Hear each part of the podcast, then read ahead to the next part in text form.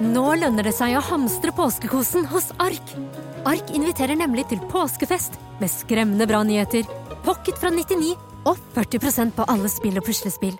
Ark-påske betyr rett og slett mye påske for pengene. Så fyll opp med påskens favoritter i nærmeste Ark-butikk eller på ark.no. Bli med inn i hodet til John Ausonius. Bedre kjent som Lasermannen. Han nøt å se seg selv på nyhetene, men han var ikke fornøyd. Han skulle jo drepe. Det samme året skulle han skyte to mennesker til, før han omsider oppnådde målet om å drepe. Hør på innsiden av Psykohoder med Jonas Alf Oftebro og rettspsykolog Susanne Nordby Johansen. Gratis der du hører podkast.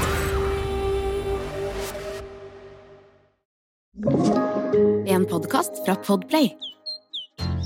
Grøntpodden, for deg som er helt grønn.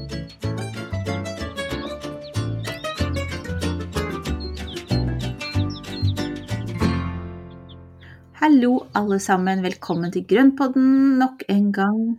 Forrige uke så tok vi oss en pause. Eh, Ja, det ble litt mye jobb for oss begge da, altså. Mhm. Så, og det skjer litt eh, Noen ganger så skjer det litt brått. Det er ikke alltid at kalenderen er helt oppdatert, og plutselig så fanger jo liksom hverdagen en. mm. Så ja. Men eh, det er jo det er, Vi kommer jo sterkere tilbake, og vi har ikke glemt hva vi skulle snakke om, så det, det er jo veldig bra. Vi er stolte av det, vi. Ja, ja, ja. Alle ting er en seier i hverdagen. Ja, ja.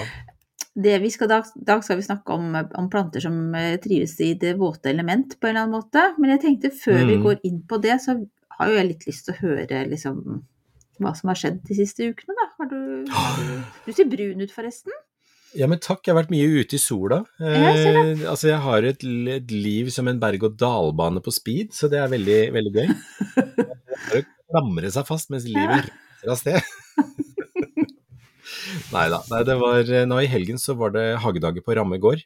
Eh, altså for, som for øvrig er en fantastisk destinasjon. Eh, for de som ikke har vært på Ramme gård, så er det verdt et besøk å se den hagen, for den er altså Eh, altså Den er jo helt, helt magisk. Mm. Eh, ligger ute i, eh, litt forbi Vestby og ut mot Hvitsten, og eh, er altså et eventyr av rom og planter som er brukt på veldig spennende måter. Samplantinger, skulpturer, vanninstallasjoner og i det hele tatt. Mm. Så der var det hagemarked, så jeg sto jo da sammen med en som heter Anne Mælum, som også har gitt ut bok på Gyllendal, som har skrevet en bok som heter Vilt godt. Og det er en fantastisk, da må jeg skryte litt av, altså, fordi den boka den viser alt ugresset du kan spise. Du kan egentlig spise opp nesten alt ugresset i hagen. Mm. Vi fant ut at det var en god match, for jeg tar hånd om det der som er pent og pyntelig, og som, som vi, vi da ønsker oss å ha i hagen. Og det som det ikke du har lyst til å ha, det som du skal luke bort, det putter du i kokekar og gryter og salater, og lager altså de herligste rettene. Så Vilt godt med Anne Mælum, kjempespennende bok, altså. Sjekk den Ja. ut. Den må jeg skaffe meg. Jeg håper hun har Ja. veldig mange oppskrifter på skvalderkål. Ja, men det er det også. Og Ja. hun hadde en sånn chimchurri-oppskrift på skvallerkål, og, Mm. som er en sånn grønn, liksom nesten som en pesto-aktig greie, Mm. som du kan blande inn både som en marinade, du kan ha det som et tilbehør til kjøtt. Det er liksom sånn litt sånn syrlig, frisk greie. Ære min, det så så godt ut. Så jeg har sikra meg boka, og jeg skal teste ut både det ene og det andre. Det er i hvert fall sikkert. Det var altså vilt godt. Jeg må skrive det opp, jeg, for det tror jeg faktisk jeg skal kjøpe meg. Ja. Vilt. Og, den, eh, og jeg så fant også en herlig oppskrift på det å, å bruke løvetannknoppene, som da var fresa rundt i panna med en Mm. deilig sånn derre greie. Altså, nei, det var så mye godt her. Mm. Jeg hørte Så- forresten, apropos løvetann, så hørte jeg det eh, en svensk pod som handler om Mm. grønnsaksdyrking. Det er to kokker som har det. Men i hvert fall de tipsa om hvordan man lagde løve, gult salt, altså løvetannsalt. Oi! Veldig, ja, så det tenkte jeg Nå husker jeg ikke hele oppskriften, men man, man tar da disse de gule kronbladene, og så blander man det med, med godt havsalt, da. Og så blir Ja. det gult etter hvert. Altså, Hvis man har lyst til å pynte litt på saltet sitt. Ja. Men det blir litt sånn som med, med syrinsukker også. Du får det lilla Mm. sukkeret med syrinblomstene. Så det er veldig mye gøy vi kan bruke både planter og, og blomster til som vi kanskje ikke vet om. Så, og da er det veldig fint med noen sånne gode bøker og med gode oppskrifter på hvordan vi kan gjøre det. Og hva vi kan spise. Absolutt. Vi må være Mm. Så mer det- nysgjerrige og åpne på det, tenker Ja. jeg. Ikke sant. Men du da, Marianne, du har jo vært på, du har jo vært på reise i det store utland, du. Ja, jeg tok altså turen til København. Eh, Det er jo da bare en og en halv time herfra med Da tar jeg liksom bussen fra lokale busstasjonen her i Høganes, og så tok jeg da ferja fra Helsingborg til Helsingør, og så tar jeg da lokaltoget ned til København. Så da føler jeg Ja. innbiller jeg meg at jeg er sånn, nesten litt sånn innfødt. Føler at jeg er liksom på litt sånn hjemmebane på vei nedover der. Så Ja. jeg må si at det Danmark er jo innmari fint, da. Det er veldig hyggelig Ja. å ta det der toget nedover der, og du ser Øresund og alle de fine små uh, småbyene som ligger strødd langs vannkanten på vei ned til, til København. Så det Ja. var eh, veldig fint. Også København var jo var fullt av mennesker. Jeg var jo på sånn design, stor designmesse der. Mm. Um, Så det er hele byen liksom er tatt i bruk, og man reiser rundt i ulike showrooms og sånne ting. Og så um, ser masse nytt for meg som skriver om det her og jobber med det her, så er det så Ja. påfyll av inspirasjon og, og nyttig kunnskap. Helt Ja. Og så tenker jeg at det er jo også en arena hvor du da møter likesinnede og, og treffer andre fra andre magasiner, andre journalister og Andre altså. Ja. andre raringer som liker møbler og sånt. ja, du vet. Det er sånn. Som en av de jeg var, var der sammen med, så vi satt og spiste litt, og så var det sånn Og så var det et veldig fint servise, og da var det sånn en av oss som snudde opp ned for, altså, ja, altså, for å se hvor, hvor det kom fra, da, merket, og da var det en annen som sa ja, i sånn selskap som det her, da kan man jo faktisk snu opp ned på tallerkenen, det er lov. Ja, men det er jobben din, så da må, jobben, du, jo, da må du gjøre det. Men det Ja, som er gøy bra. å se der sånn, er jo hvor flinke de er, og danskene er jo ganske langt framme når det gjelder um, altså dekorere med, med blomster og vekster.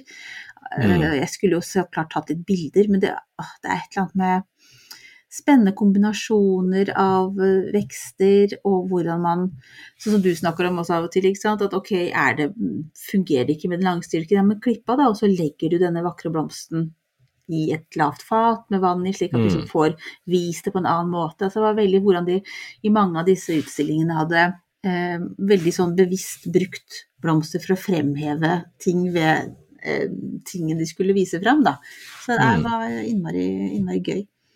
Ja, men generelt så er jo danskene veldig gode på binderifaget, og det å bruke altså det er form og farge. og Det er jo også, det henger jo sikkert også sammen med at de har jo en lang historie med, altså med godt design. altså det er jo Designklassikerne i Danmark er jo veldig godt kjent. Mm. Eh, Vi har jo mange av de i Norge også, men de er ikke, de er ikke blitt løftet fram på samme måten og er ikke blitt like kjent. Men eh, de har jo, danskene har jo vært veldig flinke til å liksom være litt sånn frampå i skoa på, på design, form og farge. da. Mm, mm, Så absolutt. Ja, så moro. Nei, det er morsomt. Jeg skulle gjerne vært med, og jeg håper kanskje neste år at jeg får tida til å bli med, for det, det er jo en utrolig morsom eh, og hyggelig arena å være på. Mm. Vi får starte på en jo- også, Espen, så kan vi Ja, kanskje og det. litt. Ja, jeg savner jo det, for jeg var jo alltid Ja, ikke sant. Vi har veldig god tid. Men jeg savner jo litt det der, for jeg var jo alltid med på disse tingene før når jeg jobba i D2. Så ja. Ja, Så- jeg så traff gamle men- venner av deg både hos Eilertsen og på Montana f.eks. Ja, men så hyggelig. Mm, Så bra. Men det, det jeg gjorde istedenfor, det var jo altså jeg gikk i dundrende underskudd på den der arrangementet jeg var på, for at det var jo så dyrt at det herre min hatt. er vi tilbake til Altså, rammen vår?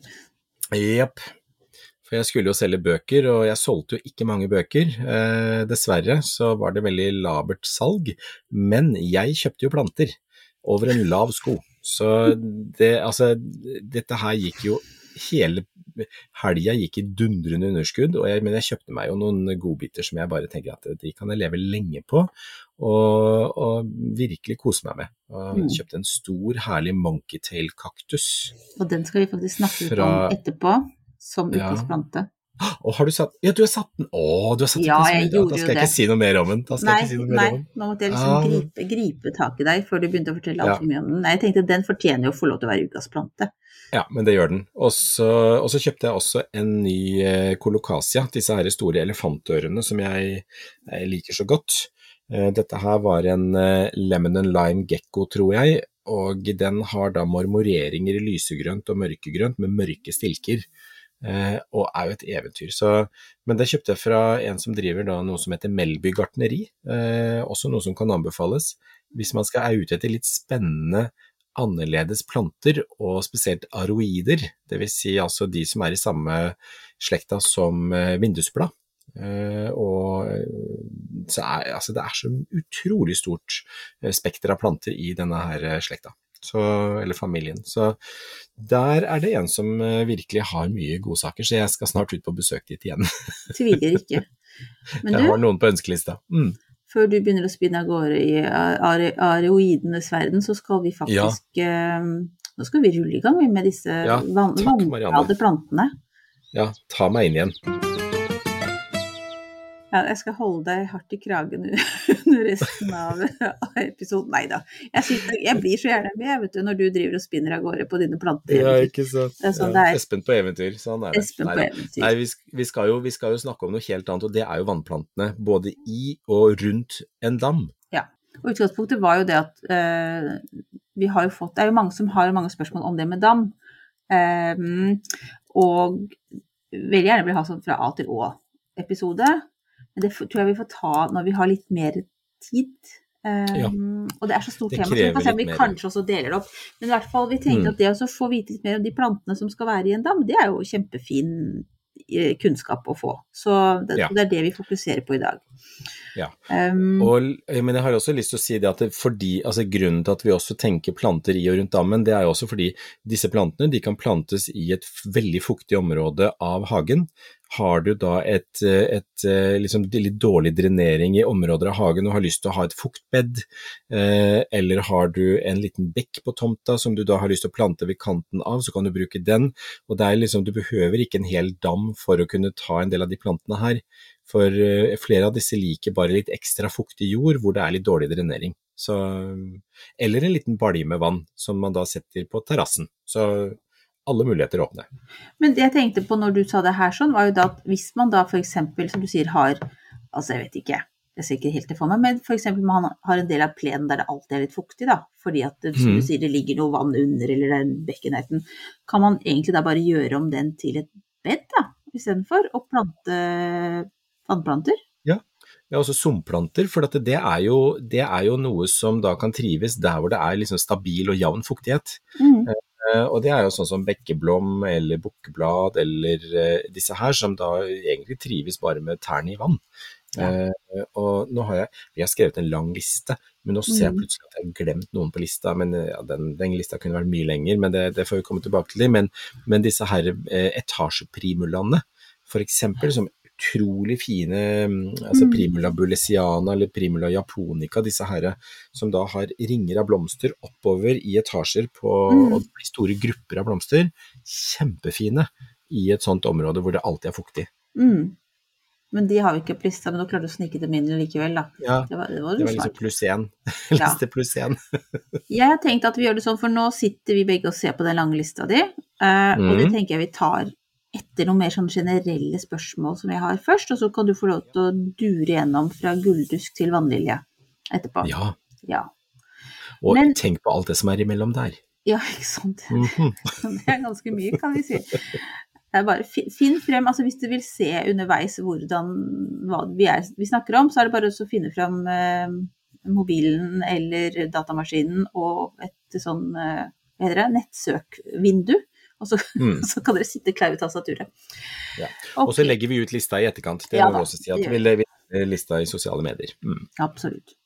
Skal vi da først begynne å ta et sånn generelt spørsmål om hvordan disse plantene skiller seg ut fra andre planter? Altså, er de bygd opp på noen annen måte, eller er det liksom mm, Er det litt mystisk hvorfor de liker så mye vann?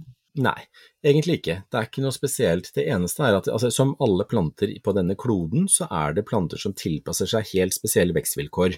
Eh, og det har jo skjedd gjennom evolusjonen i millioner av år, og hvor da planter etter hvert tilpasser seg de ulike områdene. Så det finnes jo da vekster på de aller fleste steder av eh, jordens overflate som er en sånn, som har et visst lys og en viss temperatur.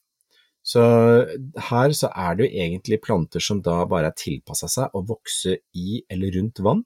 Det betyr at de røttene er tilpassa at de klarer å hente ut nok næringsstoffer og oksygen og alt dette her av vannet som er rundt røttene, eller at de står helt nedsenket i vann.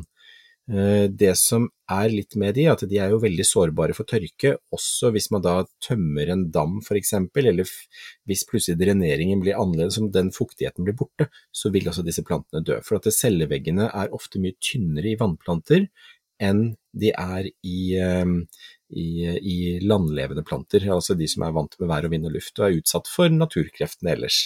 Ja, og da tenker jeg over på, hvis man da har veldig lyst på litt uh, vannelskende planter, og har et sted Mm. i hagen eller på uteplassen som det passer, hvor, hva skal man tenke på når man planter dem og etablerer dem? Ja, ehm, Det som kan være lurt å tenke på, det er at de har noe å feste røttene i som er stabilt, eh, så ikke det flyter opp. Så det å bruke, altså I dammen min så bruker jeg grus, elvegrus, rund grus, som jeg da legger i bunn, og så stikker jeg plantene ned i det. Og Gjennom årenes løp så har det jo dannet seg veldig mye sedimenter og liksom mye rusk og rask og, og liksom nesten jord nede i bunnlaget. For der er det også masse mikroliv som sørger for en god omsetning av næringsstoffer. Og da finner røttene vei, og så finner de næring nede i bunnlaget. Eh, Men alternativt så kan man plante i en, i en eh, plantekurv som da kan fylles med stein i ytterkant, og kanskje litt, litt tung leirjord eller vannliljejord i midten. Og så kan man da pakke da stein rundt, sånn at ikke det sprer seg og, liksom, og gjør at vannet blir grått og grumsete. Mm, smart. Når du da har fått etablert dem, og, Mm. og de skal da altså stå et sted det er fuktig, men er det f.eks. sånn, kan de stå i sol, er det noe sånn at de skal stå i skygge, er det noen sånne regler, eller varierer det fra plante til plante? Det varierer fra plante til plante, og du kan jo si sånn som vannlilja, den trenger jo faktisk opp til en ja, seks-syv timer sol om dagen for å sette blomster. Eh, Men den er jo helt nedsenkt i vann, så den har jo bare den lille blad, bladoverflaten som da eh, fanger sola. Så, eh, og den må jo også stå på et visst dyp. Blir stående for dypt, så er det for mørkt. Står den for grunt, så blir det liksom ikke noe, noe fart i den da heller. Men det, og da, det er liksom individuelt. Noen er jo myrelskende som da står i liksom skyggefullt område, mens andre står i full steikende sol og klarer seg fint med det. Mm. Og hvordan steller du dem? Som egentlig var spørsmålet mitt, jeg bare lurte litt på det med sol og sånn. Oh, ja, ja. Nok vann. Nok vann. Nok vann. Ja. Men skal, De er jo veldig lettstelte, da. de er jo det, du, skal, du kommer ikke der med noe sånn dunk med næring og sånn, eller altså de Nei, altså det kan, de klarer seg stort sett selv. Eh, Det man kan gjøre, det er å gi dem næring, altså gi dem eh, gjødsel. Og da finnes det sånne faste litt sånn, eh, hvis du Har tenkt på, har du sett de, der, eh, de langtidsvirkende gjødselkulene? Som ofte er i planter man får kjøpt og sånn. Eh, Det finnes sånne små klumper av det som hvis da stikker ned i, i grusen rundt røttene, og da holder næringa seg lokalt. Men ellers så henter jo plantene ut alt den næringsstoffet som er i vannet. Eh, og hvis vi har mye planter i en dam, så vil ofte vannet være klart, fordi da henter plantene ut næringsstoffene, slik at algene, som også er en plante, ikke får eh, liksom blomstre opp. Så, de, så plantene de henter ut næringsstoffer av vannet de står i, rett og slett, og av bunnlaget som de setter røttene i. Og så snakket du litt om tørke. Men Mm. hva, sånn som nå er det jo Det har ikke regna hos meg på evigheter, det er knusk. Plenen begynner Ja. å bli brun, og vi skal jo ikke bruke så mye av vannet. Eh, hva, um, hva gjør man da? Hvis, altså, kan, ville du da satt Ja. dem, liksom, flytta dem over i noe der du hadde mer kontroll, eller ville du liksom Noen ganger så går naturen Ja, men noen ganger så går jo også naturen sin gang, og det går jo noen ganger litt gærent. Eh, Det kommer litt an på om du har de i en dam, sånn som her hos meg, så har jeg jo plantene stående i en dam som er et lukka system, eh, og det er, det er ikke mye som fordamper der, så det må erstattes kanskje Si at det må erstattes ti liter om dagen, Eh, og det er jo ikke mer enn Altså, det er jo veldig lite. Si at jeg hopper over, annen, eller jeg hopper over noen dusjer, da, så har jeg, så har jeg dekka inn det. Så Mhm. det eh, og det heller sørger for at det, sånn som hvis det er en, en, en dam som er fylt, så kan det stå der. Men ellers så er det jo ikke så veldig mye å gjøre hvis du har et, tørt, nei, hvis du har et fuktig område av hagen som begynner å tørke ut. Så kan man jo ikke begynne å grave opp og sånne ting. Og det er jo dessverre det som skjer når det er tørke, er at ting kan gå gærent, altså. Så det, der tenker jeg at man må bare rett og slett krysse fingrene og håpe at det går bra. Eh, Er det noe man er ekstra redd for, så kan jo det flyttes over i en, eh, i en plantekurv i en bøtte med vann f.eks. og settes, da, settes for seg. Men, Men jeg tenker at det vil normalt vokse opp igjen eh, når det kommer tilbake fuktighet. Mm. Ja. Så, Eller så må man plante inn nytt. og der hvor det dør planter, så åpner det seg mulighet for nye planter. Ja, så da, liksom, da kan man gå videre på ønskelista. ja, jeg vet. Det er en veldig god, øh, positiv måte å tenke på. så bra. Vi snakker jo veldig mye om biomangfoldet og hva plantene gjør for naturen som helhet. Gjør disse plantene Mm. noe spesielt? I og med at Ja. Du snakker litt om det at de rensker bort alger og sånne ting. Er det noe annet de gjør? Ja, det gjør de egentlig, fordi det er en god del av disse her som blomstrer i vann. Altså det er jo sumpelskende planter som da blomstrer. Eh, noen av de kommer tidlig på våren, og da kan de være gode for pollinatørene som da våkner opp på, etter vinterdvalen. Så, så sånn som bekkeblom og bukkeblad, de er jo sånne som blomstrer tidlig. Eh, samme darmerian eller skjoldsildra. De kommer jo ganske tidlig på våren da, og, med blomster nesten før bladene kommer, og det er jo veldig gode gode planter for pollinatørene. Og så er det noe med at det å holde da Jeg tror at det, når da røttene står nedi, det vil jo være en omsetning av næringsstoffer også i bunnlaget som gjør at mikrolivet der også vil ha det enda bedre, med at det står planter der. Så, så jeg tror altså de, de har jo sin funksjon, de også. Og de frigjør også oksygen til vannet. Ja, ja, det er klart. Så de vil jo, gjennom prosessene de har, så vil også de også frigjøre oksygen til vannet, og det er jo en Akkurat som da de vann, nei, landlevende plantene frigjør oksygen til lufta, så frigjør de til vannet. Så det, jeg tenker at det er mange, mange gode årsaker til å ha vannplanter, altså. Mm. Jeg tror det er et eh, litt ukjent uh, område av eh, hage, hagestell, holdt jeg på å si, eller hageverden, for, eh, for mange av lytterne. Men det altså, det er jo også en mulighet til å utnytte og ja, altså gjøre et, kanskje et parti av hagen som ikke er så fin, da, kan du si. Mm. Som man syns er problematisk, og heller snu rundt rundt på det og faktisk eh, skape noe helt unikt der. Ja, altså et fuktbed, eller et, et eh, bed med mye fuktighet, det kan være fint, altså.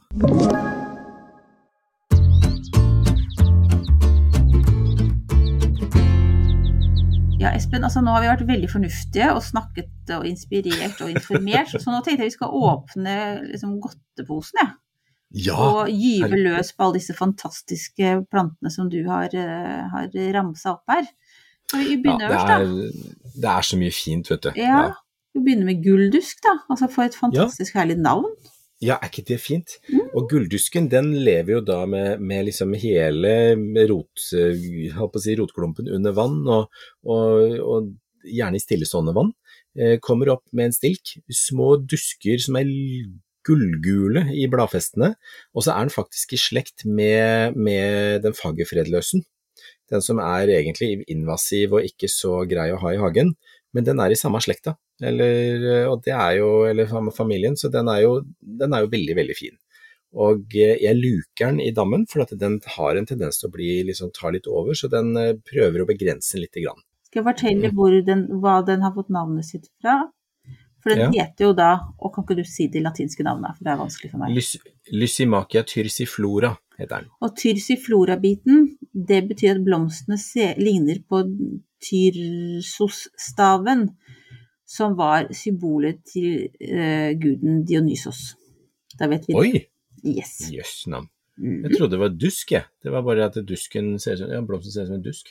Men uansett, da, det er den herdig til H8, så den er jo kjemperobust. Klarer seg i hele landet. Ja, strålende. Mm. Er det noe mer du vil si om den før vi går videre? Nei, bare at den er vakker. Ja. Nei. Nei, sånn den er, den? er fin. liksom Nei, den blir, eh, den blir vel sånn en ja, 40-50 cm høy. Eh, og så har den under, altså den har jo da rotskudd som da kommer ut og opp, så at den blir etter hvert en tett tue av den, og sprer seg ganske fort i, i gruslaget i eh, vannet. Så det er en god plante å starte med, da kanskje. Mm. Man skal begynne å bli kjent med disse plantene. Og så går vi over til bukkeblad, som du Ja. allerede har sagt at kommer ganske tidlig på året og er fin for pollinatørene. Ja, fantastiske hvite blomster som altså stikker opp og ser nesten sånn orkidélignende ut. Sånne store stilker opp, masse hvite blomster oppover. Og så har den ganske så saftig, tykke risomer som ligger utover i, eh, i kanten på dammen og litt oppå myrer og sånn. Eh, og men det som er så gøy, da, når da den er ferdig med å blomstre, så kommer disse tre bladene opp. som, eh, som da står som tre sånne, som står som et lite trekløver. Og når den legger seg utover vannspeilet, så plutselig så titter den her lille trekløveret opp, som er, jeg vet ikke, kan kanskje være en rød bortimot 10 cm over vann. Eh, og de er så morsomt, altså. Veldig fine blader. Så kommer i, i sånn tre og tre. Det er veldig fint. Og den er også herdig til H8, så det er også en veldig robust uh, sak. Så en liten tupp av den, stikke den i kanten på, på et uh, fuktig bed eller i en vannkant på dammen, så bare vosj, så sprer den seg rundt hele. Det er morsomt Det er litt sånn eh, Altså, er det kronbladene, det, da? Som er litt sånn uh, pusete, liksom? Eller sånn De er helt frynsete kronblader, Mm. så det ser liksom nesten ut som sånn, nesten som blondaktig ut. Ja, Så veldig er altså så fin, ja. Men du, alle disse eh, plantene her, hvis noen har lyst til å plukke med seg inn og lage en bukett, er de best, best der de står? Vil Ja, de, det er vil de de. kollapse fort? Og det er jo generelt på vannplanter, at det, altså holdbarheten er ikke så lang inne, for at i det øyeblikket du kutter stilken, så er det liksom, det er ikke det samme. Og fuktigheten der hvor de står, gjør at de holder seg lenger, og når vi får de inn, så er det for tørr luft, og så for varmt, og så, og så kollapser de ganske fort. Det er ganske vanlig. Ja, Men det er jo- ned i nærheten altså, av dem og se på dem der ute. Ja, men det er jo ikke noe veien for sånn kortvarig lykke og glede heller. Altså, bare molnyte når man kan. Ja, Det er jo det. ja. enig. Bekkeblom, det er jo en Ja. velkjent uh, favoritt, vil jeg si. Jeg får jo sånn, jeg vet ikke hvorfor, men jeg får veldig sånn barndomsminner. Ja. Føles som en sånn velkjent uh, plante. Ja, det er jo det, og den er giftig, så den skal man jo bare være litt varsom med hvis man plukker den og, og sånne ting, men, men den er jo utrolig fin. Den skinner som en lita sol når den da kommer på tidlig vår, når alt annet er mørkt og grått, og, eller grått og brunt. Eh, og så kommer da denne her eh, bekkeblommen, kalt av palustris, opp, og bare skinner i skinnegult, og det er veldig bra. Og den også herdig til H8. Eh, Men med den så er det også en eh, veldig fin variant som heter multiplex, som er fylt. Og den Mm. fylte bekkeblommen har jeg inntrykk av at det står litt lenger enn den enkle. Eh, Men begge okay. deler er jo bare utrolig vakkert på, på våren, altså. Og de blir sånn, det står at de blir mellom 15 og 30 cm høye. Er du enig i Mm. Store norske leksikon i det? Ja, ja rundt, jeg vil si nærmere 30, ja. Ja. Eh, Den fylte blir litt lavere, og så, og så blir den litt høyere etter hvert som blomstringa pågår, og så overtar Mm. de grønne bladene etterpå, så blir det en sånn fin grønn tue. Ja. Uh, og den klarer seg i, din mese. altså en fuktig grøftekant, så vokser jo den veldig fint. Så Mhm. den klarer seg mange steder. Da er det neste, og det er skjoldsildre. Det er liksom noe helt annet. Da er vi oppe i De storvokstes forening. Ja, og den er altså, den, altså Jeg har den i dammen, og da står den jo med røttene og, og risomen i vann. Mm. Og det gjør at det da Altså mitt inntrykk er at den da får en mye mer kompakt vekstform. Eh, Den får utrolig flotte blomster tidlig på våren før bladene kommer. Det er skjermer med rosa-hvite blomster på høye, Mm. elegante stilker. Eh, og når da de er ferdig med å blomstre, så kommer bladene opp. Og da blir det ganske tett, fint bladverk som da får veldig fin høstfarge. Mm. Eh, I dammen så blir den gjerne en, eh, jeg vet ikke, en 40-50 cm høy, mens står den tørrere, så har jeg inntrykk av at den de blir høyere. For denne oh. er en av de som også klarer å stå i tørrere bed, Mm. eh, og da blir den slankere i veksten og mye høyere og, og større enn det den gjør i vann. Er det helt feil å synes at de rosa blomstene ligner på bergenia? Men da ser du på hver enkelt lille blomst. Nei, Det var altså så langt, Marianne. jeg er ikke Det er bra. Ja, det var vel sånn tilfeldig opp- treff. Det er for oppbygningen av, oppbygningen av blomstene, og det kan man se på alle disse eh, blomstene i sildrefamilien, at de har akkurat som en liten sånn, det ser nesten ut som to sånne små ta tapper som kommer ut på sida, og, den, eh, så- og det er jo det som etter hvert blir frøkapselen og den er lik. jeg. På sildrene. Ja. Jeg ja. Nei, jeg likte den var veldig godt. Og så elsker jeg de store, store bladene på skjoldsilderen. Den er jo mm, kjempefin. Ja, men den er veldig fin. Den er kjempefin, og så får den utrolig fin høstfarve. Så, men den kan være litt sånn, den kan liksom brøyte seg plass, og, og den tar sin plass når du setter den ut, altså. Så den, eh, den må man bare passe litt på. Neste er myrhatt. Og myrhatten, det er jo da Comarum palustre, som er, en, eh, som er en, også en sånn sumpplante. Men den får disse små brunaktige, rødbrune humleblomstene. Eh, kjempefin for humler og, og bier. Og veldig blomstringsvillig og veldig fin sånn frynsete bladverk, så veldig, veldig flott plante. Og den beveger seg også i vannkanten og utover myrområder. Det blir sånn skikkelig fint virvar. Men den har litt hardere stilker, så den, de, men de er sprø, så de er lette å knekke tilbake hvis, de, hvis den blir for stor. Ja, og den blir rundt en halvmeter høy, og så Mhm. er den i rosefamilien, faktisk. Ja, det er den. Så, og den er, den er kjempefin, men også veldig hardfør. Så det er en H8 på denne her også. Så, den, så alle disse her de er veldig robuste planter som vokser i, i store deler av landet. Og det samme H8 gjelder også for neste. Engforglemmer Ja, Forglemmer det er en av mine favoritter. Det er mine, altså, den er så fin, den. Myosotis scorpioides, og det er den som da vokser i vann. Den vokser med en liten sånn eh, plante som kommer opp første året. Året etter så blir den mye større, og da blomstrer den. Og så dør planta etterpå. Men da har den allerede satt frø, sånn at den hele tiden har småplanter som kommer opp. Og litt større forglemmeieblomster enn den vanlige. Eh, Ja, og så har den eh, en mye lengre blomstringstid. Så for et par år siden så hadde den siste av de hadde blomster helt ut i november, faktisk. Ja. Så veldig lang blomstringstid på de. Nydelig. Helt nydelig. Neste Er du like glad i neste? Ja, og den har så gøy navn. Ja. Vasslirenke. Vasslirekne. Rekne. Eh, persik ja, og den er persikaria amfibia. Eh, og den har, eh, den har jo noen slektninger eh, i, altså på land. Eh, og det er jo disse her parkslirrekene som som er invasive, og som vi virkelig ikke vil ha. Er jo i, uh, den er liksom i samme slekta. Så her er, det, her er det en plante som vokser i vann, og den har lange sånne utløpere som ligger i og under vannspeilet, og så plutselig så pop, så kommer det opp en sånn fin eh, rosa, svak rosa blomst uh, med masse, masse blomster på. Og jeg har en annen hjemme i hagen her som er dvergslirekene, som er kjempefin. Og, så finnes det også blodslirekene.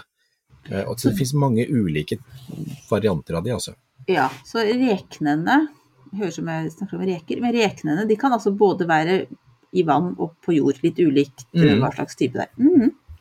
Og det her så er det jo den som heter eh, amfibia, som da er den som lever i vann. Mm. Og det er liksom Tenk på amfibier, så de Ja. lever i vann stort sett. Så det er Vil du at jeg skal ta neste? Ja. Og det er altså kjempesøt gras. ja. Og det Gress, er vil jeg kalle det. Ja, og det er jo Glyceria maxima, og den er jo da fin i vannkanten. Grønne og hvite blader, lyser fint, bryter vannspeilet fint hvis du har det i en dam, men kan også stå i en balje med bare noe i en plantekurv og noe grus. Så den klarer det meste, og den er jo egentlig også ganske hardfør til H7. Eh, når den står i kanten på dammen her, så beveger den seg nedover i eget tempo, og på det dypeste her så ligger den jo på nesten 30 cm dyp, og så kommer da dette skuddet opp, og så bare bryter vannflaten, og så har det nydelig lyse, hvite, grønne gresset som, som kommer opp. Kjempefin. Mhm. Så neste er jo noe helt annet igjen. Altså, det er så, så morsomt å se. Jeg, Ja, jeg er googlet altså alt, og så bilde hver sin fane, eller så- nå bare ser jeg bortover på dem. Og nå er det da altså eh, skunkkala, kalla, må du si det ordentlig da, så ikke jeg sier det feil. Skunk, skunkkala, for den lukter jo ikke Mm. så veldig godt, så den, eh, den har jo fått navnet til skunken. Mm. Den er veldig søt å se på. Den er gul. Ja. Veldig gul. Gule blomster, og den er ikke så hard, for det er en H3-plante. Den er jo i myrkonglefamilien, så den er jo da samme familie som disse vi snakket om, aroidene, her tidligere. Eh, og det er jo en, eh, en eh, ikke så utbredt plante, men den er jo veldig gøyal, da. Selv om det lukter, lukter vondt. Jeg liker jo de også, jeg, da. Det er bare å holde seg for nesa, eller sette de ut. Ta en liten klype på nesa, så kan du leve godt med den. Den er veldig fin. Morsom. Veldig, kjempefin gulfarge. Den skinner. Mm. Og så har vi en Veronica, faktisk. Ja. Veronica beccabunga, som den heter. Og det er jo en, en, en plante som lever i kanten på dammen, men også i bekker hvor vannet beveger på seg. Eh, Mm. og den er faktisk vintergrønn.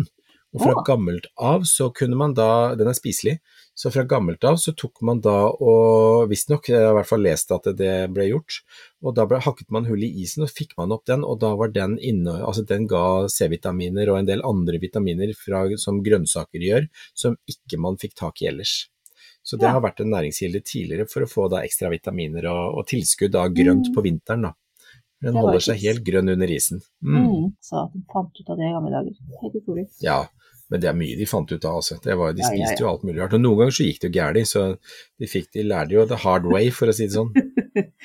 Ja, ja ikke, jeg snakker ikke noe mer om det. Men du kan si det sånn Nei. at det er mye vi har glemt på veien, da. Men da får vi jo ta oss og lese Vilt godt og alle de andre bøkene som eh, Ja. Der vi kan gjenerobre den tapte kunnskapen.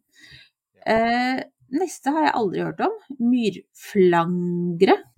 Ja, og det er en, eh, det er en vakker, vakker orkidé, faktisk, som vokser i eh, sumpområder. Ja, myr og sump. Og Epipactis palustris. Eh, Palustris er jo noe som går igjen på disse her vann, så- eller sumpplantene. Men Epipactis er jo da Jeg kjøpte den i fjor.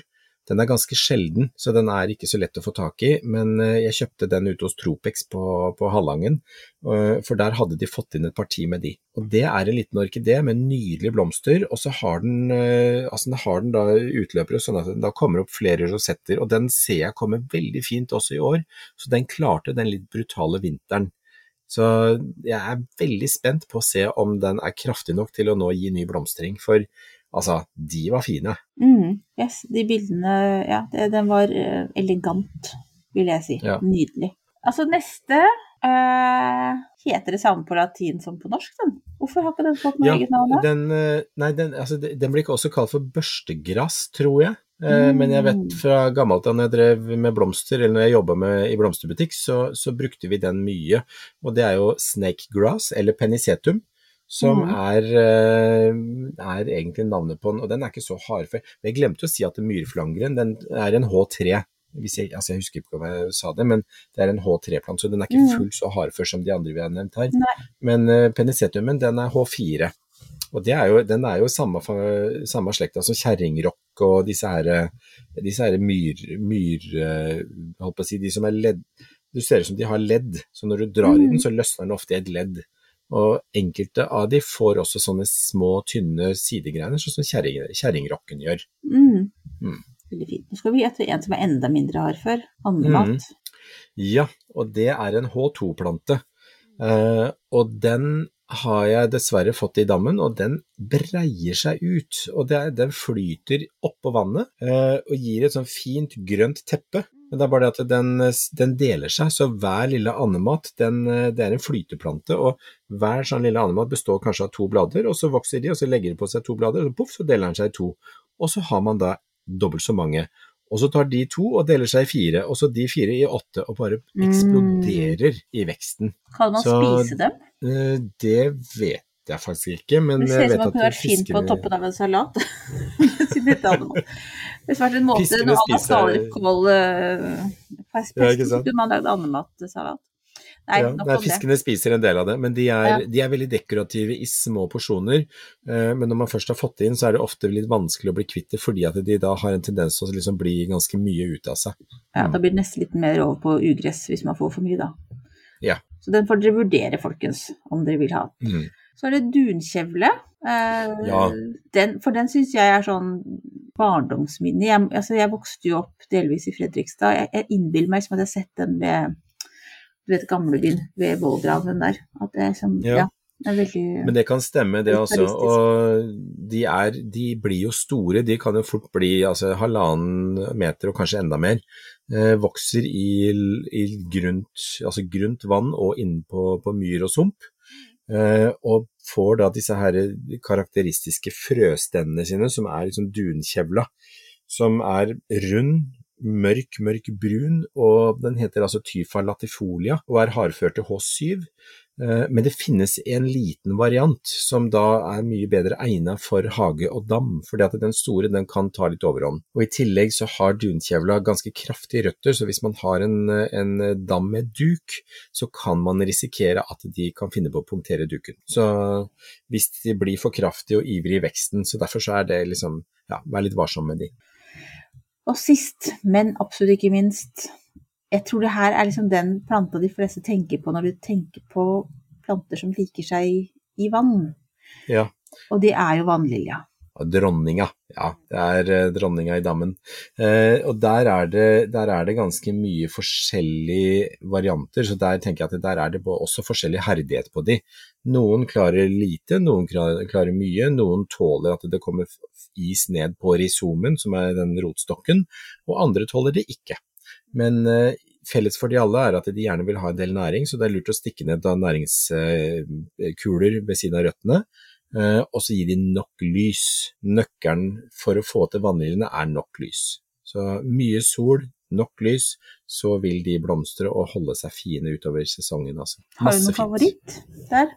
Eh, jeg har en favoritt, eller jeg har, kan jeg ha to? Eh, Ja.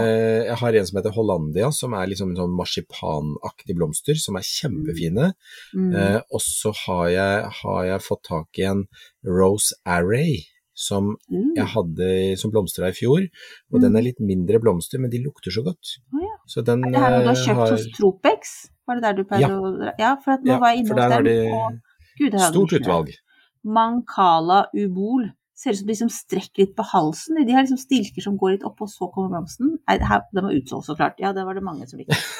Nei, ja, nei, men det her bare, folkens, altså Det her var siste planta fra oss. Ja. liksom Men- gul, og drøm dere bort med disse vannliljene, ikke minst, for de var Ja. Og det, og det som jeg vil si, altså vannlilje, plantekurv i en balje med vann. Ikke Mm. noe problem med å plante Altså vannlilje kan du ha på balkongen, på terrassen, Mm. hvor som helst i hagen. Uten dam, altså. Så bare tenk en stor bøtte eller en, balje eller tønne, hva som helst. Fyll det med vann, sett opp Mm. en vannlilje. Sett i sola. Herlig.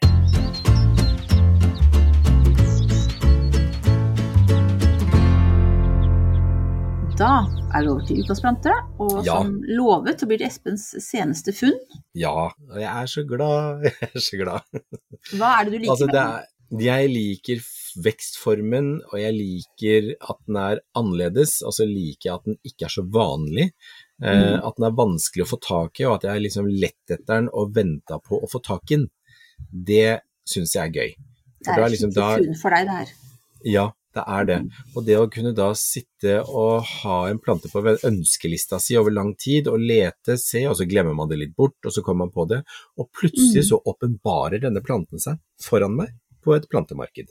Og vips, så må jeg da kjøpe den. Og det er Og, altså en kaktus. Det er en kaktus, og det er, en- den blir kalt for monkeytail-kaktus. Eh, og det er en hilvintera colademononis. Og eh, den har altså lange, hårete pølser, det blir også kalt for tarantella-kaktus. Eh, lange, hårete pølser som henger ut av potta, eh, og den ser ut som ingenting annet. Og Mm. når den får mye lys, så vil disse hårene bli enda lengre, så du ser nesten ikke noe grønt. Det ser bare sånne, ut som sånne hårete pølser som henger ut av ei potte. Nesten så gråaktige, så grønngrå. Men ja, så kommer det blomster, og det er jo helt Ja, fantastisk. Dette må dere bare google, for det ser altså så de, nydelig ut. de blomstene de er spektakulære. De kommer i sånne røde korallfarger, så kommer de opp og tut, rett ut. Så henger de ut på, nedover på stilkene. Eh, og det er altså helt ja. Så jeg fant eh, et nydelig eksemplar som nå henger i drivhuset, og eh, han eh, som jeg kjøpte den av, har jo plantet den i da faktisk litt, litt sånn derre bark, løs, porøs, eh, også torv jord. Så jeg er litt usikker på det, for jeg trodde egentlig at de skulle stå i rent mineralsk, men eh, min gamle, jeg har selvfølgelig en fra før, men den, var, den ikke noe, den kommer ikke ordentlig i gang. Så derfor så kjøpte jeg en ny som var i god vekst. Utålmodig. Ja. Ja. Ja. Så jeg skal prøve nå å plante om min gamle også til dette, altså litt annen type jord, og så se om Ja, den ja. trives. Fordi noen av kaktusene lever jo da oppi i fester på grener, oppi bergsprekker og steder hvor det er egentlig det samles altså organisk materiale. Mm. Blader, kvister, Ja, ja. rusk og rask. Og det å plante ja, og det å plante inn litt mer orkidéblanda jord, eh, tro, altså, jeg prøver, så vi får se hvordan det går. Men kjempegøy plante. Ja, helt sær. Morsom. Og Mm, nydelige blomster, må jeg si. Det er det konklusjonen her. Da Mm. lar vi Monkey's Tale være for seg sjøl. Så går vi videre til ukens Mm. spørsmål, og det er da Ja. rett og slett vanning. Altså hvordan Har du tre tips for vanning? Ja, det har vi. Det har vi, og det er jo litt i tiden nå, for nå er det vanningsforbud eh, eller restriksjoner, og det er, eh, det er tørt, det er ikke regn, eh, planter lider, og så er det da om å gjøre å ta vare på det man har. Så kannevanning er én ting, men det vi kan gjøre det er jo å legge da kvistkutt eller andre ting, altså gresskutt og sånne ting, oppå jorda, oppå potter og krukker og bed, for å hindre fordampning. Det er liksom én ting å beholde fuktigheten nede i bakken sånn at ikke alt går opp til overflaten og blåses bort. Eh, ikke klippe gresset for kort, la det være litt lengde på gresset, sånn at det ikke blir eh, så tynt, for da vil også det være litt mer stabil fuktighet rett over jorda, slik at ikke alt blåser bort og tørker ut når sola står og steiker og vinden kommer. Eh, og når du går og vanner, vann ordentlig. Krukker og kar og sånn, en liten skvett og så løper man videre, det funker ikke gå over kanskje med en liten skvett, ta en hele runden med potter og krukker og kar, eh, kom tilbake med kanna og gi en liten skvett til, og kanskje til og med en tredje lille skvett på kvelden. Etter at det, da sola har liksom roa seg ned og det har gjerne løya litt, så da er det lurt å vanne. For da rekker plantene og jorda å suge til seg nok vann, trekke seg opp og være saftspente når morgenen kommer. Så det gjør de i løpet av natta. Så da er de klar for en ny dag. Så kannevanning, men da er jo da Husk da liksom at en tørr jord har vanskelig for å trekke opp fuktighet, så gjenta den vanninga med noen minutters mellomrom. Mm. Og jeg har et ekstra tips som jeg har lært av deg, og det er at hvis du har krukker, mm. så kan du gjerne sette dem sammen i gruppe. Altså så klart ja. hvis, de da, hvis, de da, skal ha samme altså, lysforhold og sånne ting, men at det vil fordampe litt uh, mindre hvis de står sammen i gruppe. Og kanskje også litt størrelse på krukkene er bedre enn små ja. krukker. Stort jordvolum er mer stabilt enn lite jordvolum. Og husk også at vinden tar med seg og transporterer bort fuktigheten, så sette plantene da i grupper og i le kan være lurt. Og Det er jo også noe som skjer når du setter i grupper, at da blir det mer stillestående luft rundt og i plantene. Så altså det er liksom noen sånne vanningstips, og det tror jeg kan være lurt nå i, i disse dager. For nå er det jo liksom opp mot 30 grader sol og vind det er jo liksom mest brutale som vi kan få. Det er jo det. Uh, ja, det er en, uh, en, varm juni. Ja. Vi klager ikke. Vi går nei, nei, nei, nei. Hva er det du har som planer nå? Nå er, altså, nå er, det siste innspurt. Jeg er jo veldig seint ute med alt, så nå skal jeg ha ut de siste forkultiverte georginene, plante de i bakken, få det til å liksom komme på plass. Så jeg må bare hakke meg ned og få det ut. Jeg har ventet litt fordi det er steder i hagen hvor det er eh, tulipaner som har vært i blomst fram til bare for kort tid siden. Mm. Så jeg har liksom venta på at de skal bli ferdig, og dermed så har noe blitt hengende veldig lenge etter, altså. Så, men nå er, på, nå er, det på, tur, ja. Ja, bra. Men, men, du da Marianne, hva er det du har planer om? Ja, altså jeg Eller hva gjør du? Hva jeg gjør? Nei, øh, ja. ja. jeg gjør jo fryktelig mye, men ja. øh, Som ikke har med hage å gjøre også blant annet male en låve. Det tar sin tid. Men, nei, men, ja, men det, er, det må gjøres. Og det føles veldig godt å ha satt i gang med det. Men det jeg også skal gjøre, er Jeg har noen bed igjen i grønnsakshagen som skal fylles. Mm. Um, så nå skal gresskarene som jeg har forkultivert, de skal uh, oppi der. Så der har jeg prøvd å forberede bedene da med Jeg har gitt litt uh, kugjødsel og latt det ligge litt der. Og så har jeg lagt på um, halm. Uh, og sånn, og så nå tenkte jeg skulle da forhåpentligvis Og så har jeg også faktisk da vanna litt opp det bedet. Um, mm. Jeg har et stort, gammelt badekar som står kjøkkenhagen. Ja. Med vann enn så lenge. Men i hvert fall, så, så, bare for, liksom, for det, det, var knusktørt i det bedet. Så nå tenkte ja. jeg at jeg håper at det nå kanskje i kveld kan være fint også å få satt de gresskarplantene i jorda rett og. Sånn, men jeg må si en ting ja. som er litt fint uh, bank i bordet og spytt over venstre skulder, er at det ikke er noen snegler hos meg. Og det ja. tror jeg er rett og slett fordi at de har ikke fått de levelivsvilkårene som de trenger for å, å vokse opp. De liker jo ikke tørka. Uh, sneglene liker jo fuktig vær, så det er, jo, det er jo en av fordelene, hvis vi skal si at det er noen fordeler her òg. Mm. Mm. Så en, så en liten frosk i dag, det var et tegn på liv, da ble jeg glad. Ja. ja. Ellers så er det ganske stille i den kjøkkenhagen, for å si det sånn. Det er ikke sant. Nei, men så bra. Nei, men vi ja. er i full gang. Mm. I full gang, som alltid. Um, neste uke da skal vi fortelle om noe spennende. Og så ja. skal vi forberede litt på sommeren. Altså litt Ja. ferie og sånne ting, rett og slett. Så vi har litt sånne ferietips, er det vel vi kan kalle det. Ja, Rett og slett. Mm. For å kose dere da i varmen. Husk å drikke nok, og gi plantene vann på den måten som dere får lov til av, av, si, av myndighetene. Ja, det er absolutt ingen skal bryte regler, så det, det må vi passe på. Mm. Mm. Supert. Kjempefint, men tusen takk for i dag alle sammen. Og Mm, takk for i dag, Marianne. Ha det. Ja, takk Espen. Hei.